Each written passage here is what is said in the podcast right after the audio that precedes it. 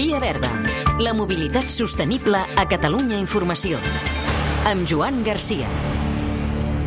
Som a Dos Rius, al Maresme, en una estació de recàrrega de vehicles elèctrics. Ens acompanya en Patrick Renau, president de Voltur, una associació que promou el vehicle elèctric. Hem vingut aquí perquè la recàrrega, l'autonomia, segueix sent un dels principals dubtes a l'hora de decantar-nos potser per un, per un cotxe elèctric. La veritat, nosaltres des de l'associació us hem de dir que el desplegament de la mobilitat elèctrica és bona. Venim d'una època, 20 anys enrere, quan vam fundar l'associació, que pràcticament no havia ni un vehicle elèctric. Ara ja tenim uns 30.000 vehicles elèctrics circulant per Catalunya.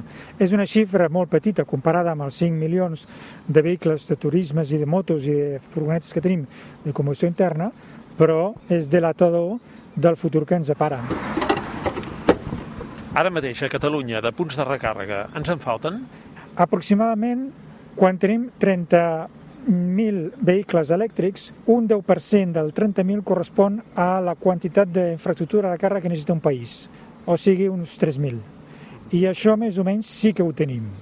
Una altra cosa és la qualitat del servei. I com està això? A vegades ens trobem com a usuaris a estacions de recàrrega que estan mal utilitzats, tenen alguns actes vandàlics o tenen incivismes que estan ocupats per vehicles de combustió interna i després també a vegades la recàrrega no funciona bé, sobretot els temes de la comunicació i després del subministrament elèctric. Parlàvem de la qualitat i els preus. Bé, el tema dels preus estem d'un extrem a un altre. Venim d'una època que la infraestructura de càrrega per vehicle elèctric és gratuïta i nosaltres considerem, tenint en compte que el parc de vehicles encara és molt petit, estem parlant d'un 1% de tot el parc de vehicles que tenim a Catalunya, que sigui gratuït, per aquestes quantitats no és un problema. Però tenim un altre extrem, per exemple, com l'Ajuntament de, de Barcelona, que s'ha volgut posar molt valent amb el tema de les tarifes de recàrrega, que fins i tot és contraproduent, perquè els preus que posen, està clar que s'ha de pagar l'energia, i està clar que pagant aquesta energia hi ha d'haver un servei, un millor servei de la que hi ha actualment. Però el que està passant a l'Ajuntament de Barcelona és que han posat uns preus que pràcticament és el mateix preu per carregar un cotxe de gasolina. Per tant, en certa manera no estem incentivant la mobilitat elèctrica. Ells justifiquen, diuen, per incentivar també la iniciativa privada, perquè farà falta també punts de recàrrega que posi l'iniciativa privada.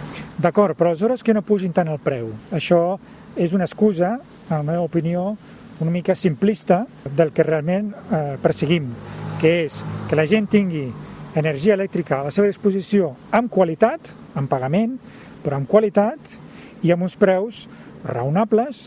Ens interessa que el preu estigui, lògicament, per sobre del cost de l'energia a domicili, per fomentar que la gent carregui al seu domicili, però tampoc arribar-nos a aquestes xifres. I la distribució geogràfica, aquests punts de recàrrega, com estan distribuïts pel territori?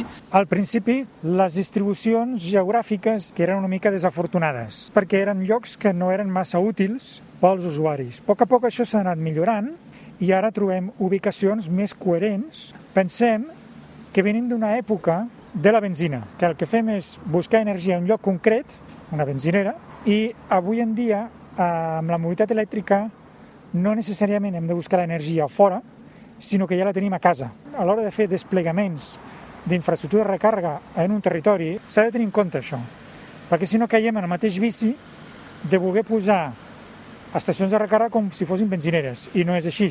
Gran part de l'energia que acumula un cotxe elèctric pot provenir perfectament del seu propi domicili, sigui comunitat de veïns, casa unifamiliar, lloc de treball, que són llocs estàtics en què el cotxe està descansant, doncs allà aprovisionar-se. Quan trigarà ara la recàrrega? Aproximadament entre mitja hora, una hora, dues hores. Però també és molt important entendre que no necessàriament hem d'esperar que estigui el tanc ple. Sí que amb el nostre model actual pensem omplim el tanc i així ja ens despreocupem, en la mobilitat elèctrica és una mica diferent. Es tracta d'omplir el tanc elèctricament parlant suficient per poder fer les següents etapes. I a casa teva és on realment omples el tanc. Via Verda, disponible al podcast i a catradio.cat.